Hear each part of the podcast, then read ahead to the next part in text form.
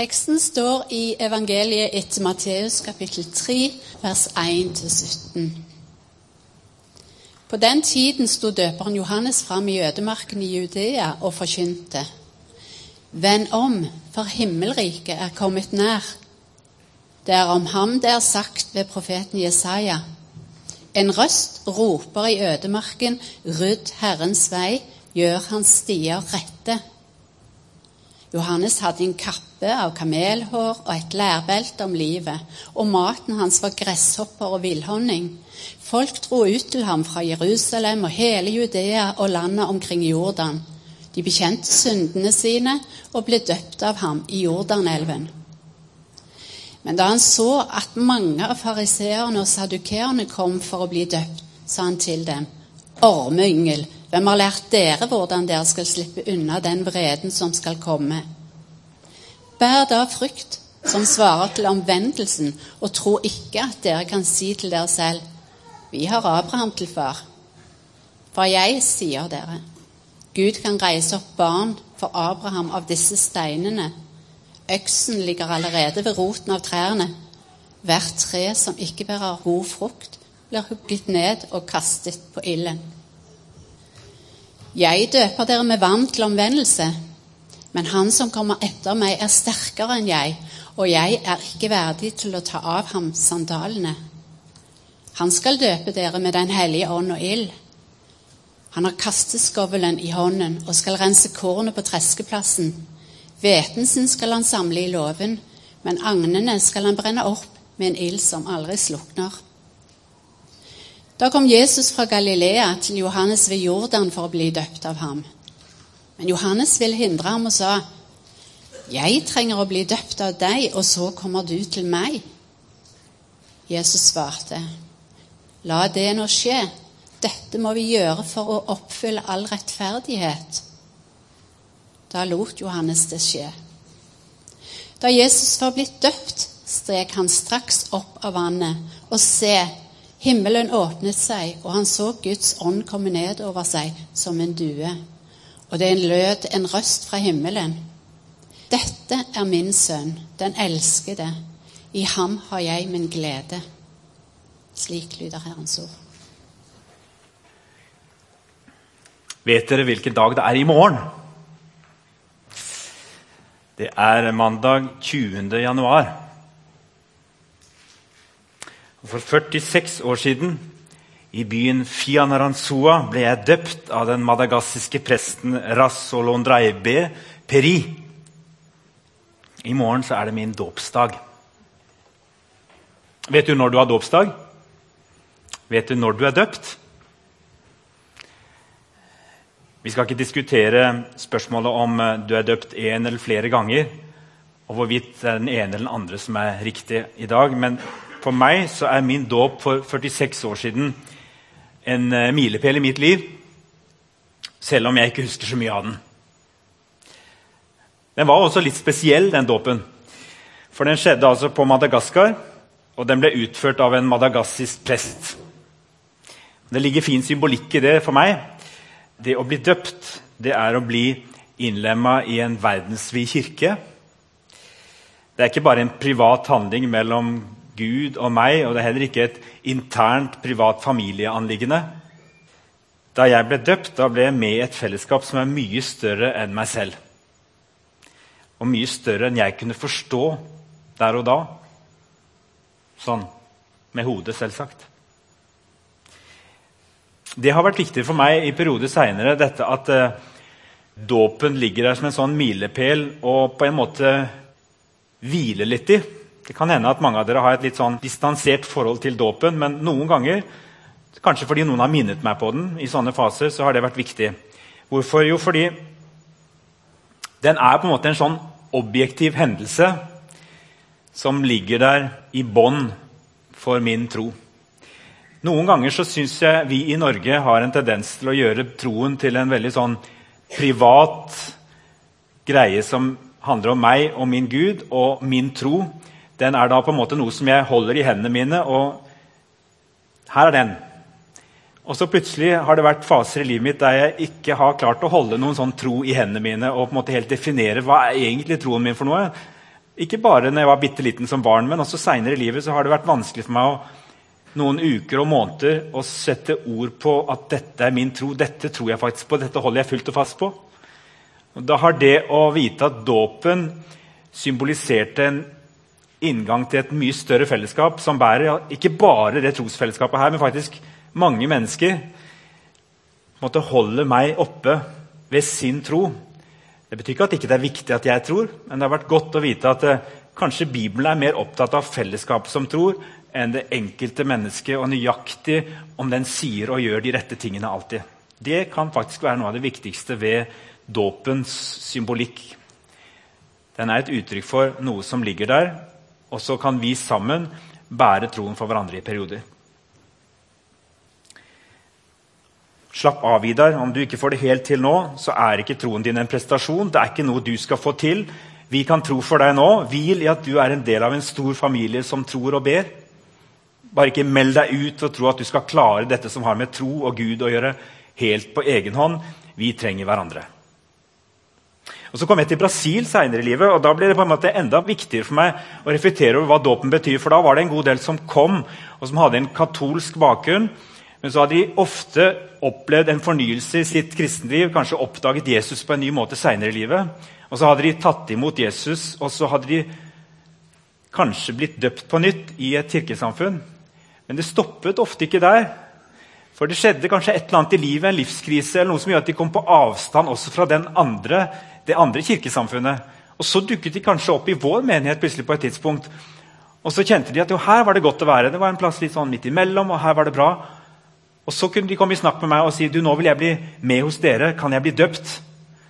Og så snakket vi litt om det, og så viste det seg at de både hadde én og to dåper bak seg.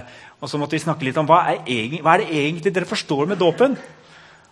Og Da var det på en måte knyttet til at det er jeg og min tro og min bekjennelse det handler om. Og når det rakna for meg, så må jeg gjøre det på nytt. Da var det egentlig veldig godt å kunne formidle det som er jeg tror er også en bibelsk forståelse av dåpen.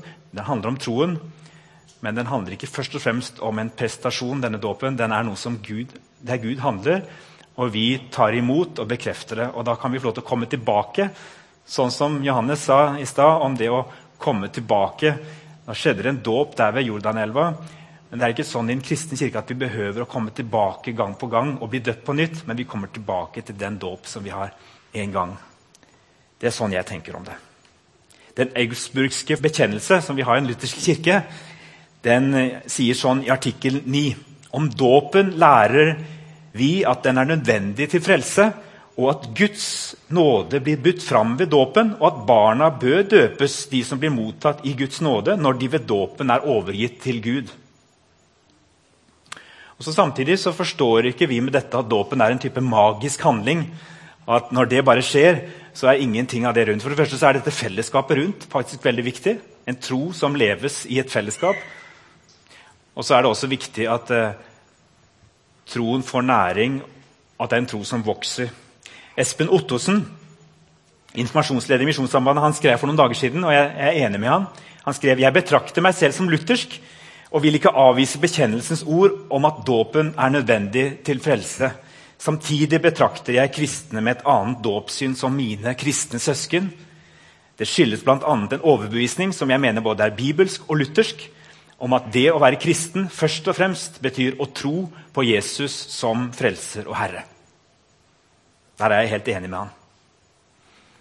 Troen kan ikke løsrives fra et trosfellesskap, og den kan ikke løsrives fra et tydelig trosinnhold forankret i Bibelen. Og Etter hvert som jeg blir eldre, så blir jeg sånn sett mer trygg på en god luthersk forståelse av dåpen. Der det verken på den ene side gjøres til en magisk handling som i seg selv kan stå alene og frelse, og samtidig så er den gitt oss som noe som knyttes til frelsen tro og bli døpt.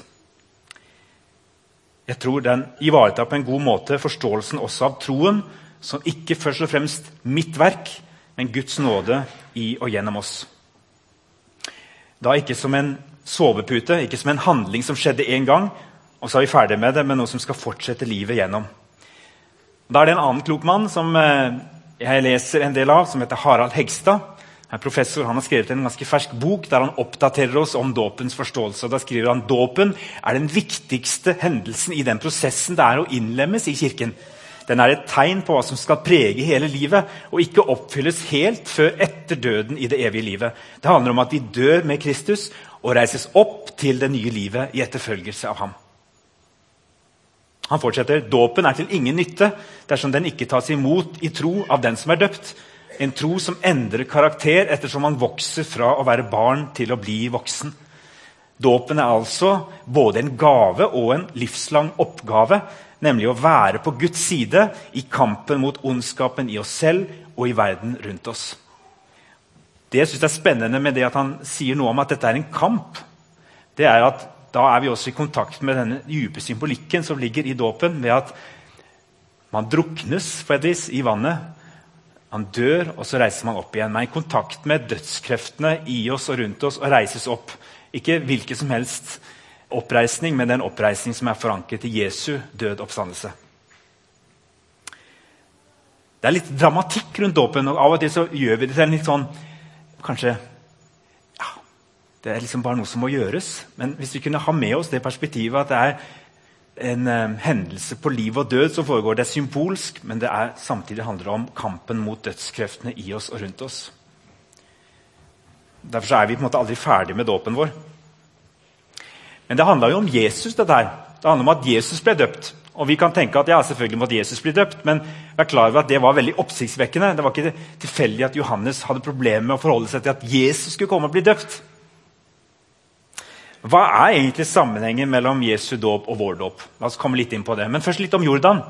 Denne elva som da Johannes døpen bestemte seg for å stå ved og ta imot mennesker til omvendelse og til å komme tilbake da, til den, måte, den, jødiske tro og gjøre seg klar for Messias som skulle komme. Vi befinner oss også i år 30 cirka, etter Kristus. I noen måneder har Johannes ropt ut i ødemarken om han som skal komme. Han er sterkere enn meg. Han skal komme med Guds ild og med Guds vind, ikke bare med vann. Han skal sortere dere ut, rydde opp, kaste på ilden. Det var Johannes døperen. Og så kommer Jesus. Helt annerledes enn Johannes hadde tenkt. Ydmykt identifiserer han seg med mennesker som står framfor dommen, og som trenger å vende om. Og for Jesus han gjør det klart at hvis han skal gjøre alt det som Johannes sier at han skal gjøre, da må han først ydmykt identifisere seg med Guds folk, ta deres plass, dele deres skam, leve deres liv, dø deres død. Da er det ikke noen tilfeldighet at Johannes valgte Jordan som dåpssted. Det var her israelsfolket gikk tørrskodd gjennom siste, det siste hinderet før de kom til det lovede land, i Gamle testamentet. Vi har hatt det framme på tidslinjen tidligere når vi var i Det gamle testamentet. Nå er vi i Nytestamentet, og vi ser sammenhengen mellom det gamle og det nye. Og Jordan er en sånn sammenheng, denne elva, på tidslinjen vår. Slik paktens ark ble båret over elva, denne nådestolen, og ble satt midt i elva, slik står Jesus nå midt i elva. Jesus er på en måte den nye pakt. Han har blitt nådestolen vi går inn gjennom til Guds rike, det lovede land. Ingenting er tilfeldig. Djup symbolikk i det Jesus gjør. Ved syndefallet ble himmelen stengt for oss, og nå hører og ser alle den nye veien. Himmelen åpnet seg, står det i fortellinga. Arne Berge han er prest i Hinna. Han har en stor sånn arkeologisk interesse. Han var med på en sånn tur som vi hadde en del prester til Tyrkia i høst. Det skal ikke handle om Tyrkia nå, men han skriver av og til på bloggen sin interessante ting også om Israel. Han har skrevet en del om Jordan. Jordan skriver han, den har stor symbolkraft. I historien om Israelfolket sin ferd fra slaveri i Egypt er kryssingen av Jordan det siste hinderet underveis til det lovde landet. Dermed har elva blitt symbol på frihet, men den er også et symbol på døden. Overgangen fra dette livet til det evige livet. Jordan er relativt beskjeden til å ha blitt så berømt, sier han. Elva renner i Jordanelven ned til Dødehavet, Kildene er lengst nord i Israel, i området nær Hermonfjellet. Jordandalen er en liten del av Great Rift Valley. Mye av den dalen ligger lavere enn havet. Og Genesaretsjøen ligger ca. 210 meter under havet, og Dødehavet ca. 400 meter under havet. Jordanelva er altså også unik ved at den renner ned til det laveste punktet på jorda. Mange som har vært i Israel og ser Jordanelva for første gang, sier Arne, blir skuffa. Det er jo så lite vann i elva. I Bibelen står det flere ganger om å gå over Jordan som om det var en svær greie. Men det kan ikke være vanskelig. Det er jo nesten som en renne. Men Jordanelva har vært mye større før. I dag inneholder den bare 2% vann i forhold til vannmengden for 60 år siden. forteller Arne Berge. Og Da er vi litt i kontakt med noe av utfordringene der nede i forhold til tilgang på vann. Og Kanskje kan vi litt sånn spøkefullt si at eh, Jordanelva har lidd litt samme skjebne som dåpen i kirkene våre. Fra at de liksom opplever denne neddykkingen i vann, der det var enda sterkere symbolkraft, så er det litt sånn sprinkling av vann på på hodene våre. Og det er kanskje på barna sitt hode. Og selv om det er det praktiske i vår sammenheng, så mister vi kanskje noe av denne dybden. Vi dør med Kristus, vi oppstår med Kristus. Det er egentlig dåpen. En heftig og bred Jordanelv får på en måte bedre fram dramatikken i selve dåpen også for oss. I Romerne 6 så knyttes det tydelig an til dette med å dø med Kristus og reises opp med Kristus. Teksten fra Matteus forteller at Den hellige ånd konkret kom over Jesus, og at Guds røst ble hørt fra himmelen. Jeg lurer litt på hvordan det gikk for seg. Kanskje var det sånn at det mange av tilhørerne så, det var kanskje en due som kom. Og Så ser de Jesus som blir døpt av Johannes. Kanskje hørte de ikke den stemmen. Spekuler litt på det. Men at det hørte Jesus og Johannes Kanskje det var disipler som hørte det også Se for meg at kanskje de andre de så bare duen. Kanskje forsto de ikke at det var Den hellige ånd. Kanskje jeg hadde ikke den hele og fulle tolkningen av det som skjedde. Sånn kan dåpen for oss også virke, og for veldig mange mennesker virke. Det er jo en ytre handling. Det er noe som skjer, som er fysisk lett å gjenkjenne. Vi ser vannet, vi hører noen ord som presten sier. Hva Gud egentlig gjør i vår dåp, det er gjenstand for Kirkens tro og tolkning. Og den som bare velger å være tilskuer, være til stede og se det som skjer som en ytre handling, får kanskje ikke med seg så mye mer enn det heller. Det er her troen som lever og er lydig overfor Guds stemme, blir så viktig. Den vil gripe stadig mer av det som er åpenbart for oss i de ytre hendelsene. Så hva er den direkte sammenhengen da mellom dåpen til Jesus og den kristne dåpen som skjer i kirka, enten den skjer som barn, som ungdom eller som voksen? En vanlig måte å si det på er at Jesus sin dåp peker fram mot hans død oppstandelse. Den peker mot hans død oppstandelse, mens vår dåp bygger på Jesu dåp oppstandelse. Det blir tydelig en veldig viktig setning som Jesus sier til Johannes. Han som først ikke har lyst til å døpe han, så sier Jesus, 'La det nå skje.' Dette må vi gjøre for å oppfylle all rettferdighet. Da tenker jeg at Jesus snakker om noe større enn bare den dåpen i elva. Det kan ikke bare være den dåpen i elva. Han snakker, om. han snakker om hele hans oppdrag, hans frelsesoppdrag. Forankrer det som skjer i elva, i hele hans frelsesoppdrag, som kulmineres med hans død og hans oppstandelse. Da oppfyller han all rettferdighet. Jesu dåp peker fram. Det er ganske fantastiske kontraster her. Det er nesten ingen steder i evangeliene hvor hvor det kommer så tydelig fram at Jesus både er sann Gud og sant menneske. Dere husker at Han hører altså far rope fra himmelen, og det gjengis i evangeliene. 'Dette er min sønn, i ham har jeg min glede.' Samtidig som den duen kommer, som symboliserer Den hellige ånd. Tenk å være til stede når denne kommer. Og så aner etter hvert de som skal gjengi dette og fortelle dette, og gi det en slags forståelse, så skjønner de aha, her på en og samme tid er både Far, Sønn og Den hellige ånd til stede. Og treenigheten er synlig på en ny måte. Vi forstår bedre at det går an å være en Gud i tre samtidig. Far, Sønn og Hellig ånd. Det er sånn Kirka har tolka denne hendelsen. Men Hvorfor blir det så tydelig denne kontrasten med at Jesus er menneske? Jo, fordi han faktisk velger å bli døpt. Det var det Johannes syntes var så uhørt. For han aner jo at Jesus er noe mye mer enn et menneske. 'Du skal ikke bli døpt', sier han til Jesus. Jo, det må skje. Jesus han er ikke menneske på liksom. Det er mange som har ment det opp gjennom historien at Jesus var nok bare Gud. og veldig mye av Det det var på en måte en sånn skinnmenneske. Men det står ikke det i Bibelen. Det står at han var helt og fullt menneske, bare uten synd. og Det betyr at han måtte gå inn under våre begrensninger. Sykdom, behov for søvn, behov for alt det som et menneske trenger. Og Derfor måtte han også gjennomgå dåpen. Det måtte skje for at all rettferdighet skulle oppfylles.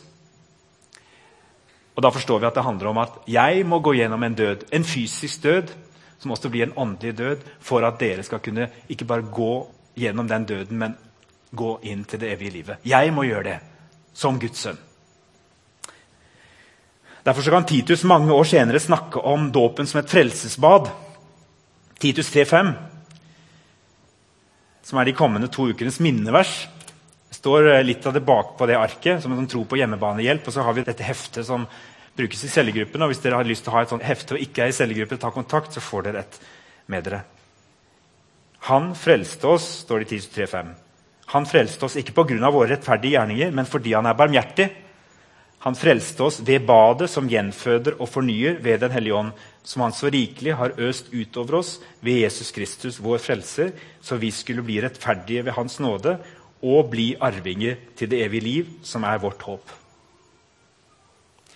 Her er det masse ord og masse teologi som Titus da kommer med mange år etterpå, når han skal tolke hva som skjer men han snakker om dåpen, og han sier at det er et bad som på en måte frelsen skjer ved. Og det gjenføder og fornyer Den hellige ånd. Men det, det står jo i presen så akkurat som dåpen er på en måte ikke bare én gang for alle, men det er noe som skjer i våre liv symbolsk igjen og igjen. Vet du datoen for din dåpsdag? Har du sjekka det? Det er kanskje ikke så viktig å vite nøyaktig datoen, men det kanskje er det viktig, for det forteller noe om hva vi tenker om dåpen vår. Som noe mer enn bare en, sånn, en tilfeldig familiedag i vår historie, men at det faktisk skjedde noe da. Det var jo korset og oppstandelsen som var den egentlige hendelsen, men vår dåp bygger på det. Og det er en fantastisk måte å konkretisere i vårt liv hva frelsen betyr for oss. Og så skjer det i et fellesskap. Det har skjedd i en kirke som er skjør, og som gjør mye rart. Men dette store fellesskapet, som for meg skjedde som jeg kom inn i nede på Madagaskar, og som andre kan komme inn i alle mulige slags underlige sammenhenger, det er et uttrykk for noe som er mye større enn oss sjøl. Og det er også noe å hvile i. Det Jesus har gjort, det blir vi en del av. Jeg tror jeg skal feire dåpsdagen min med et kakestykke i morgen.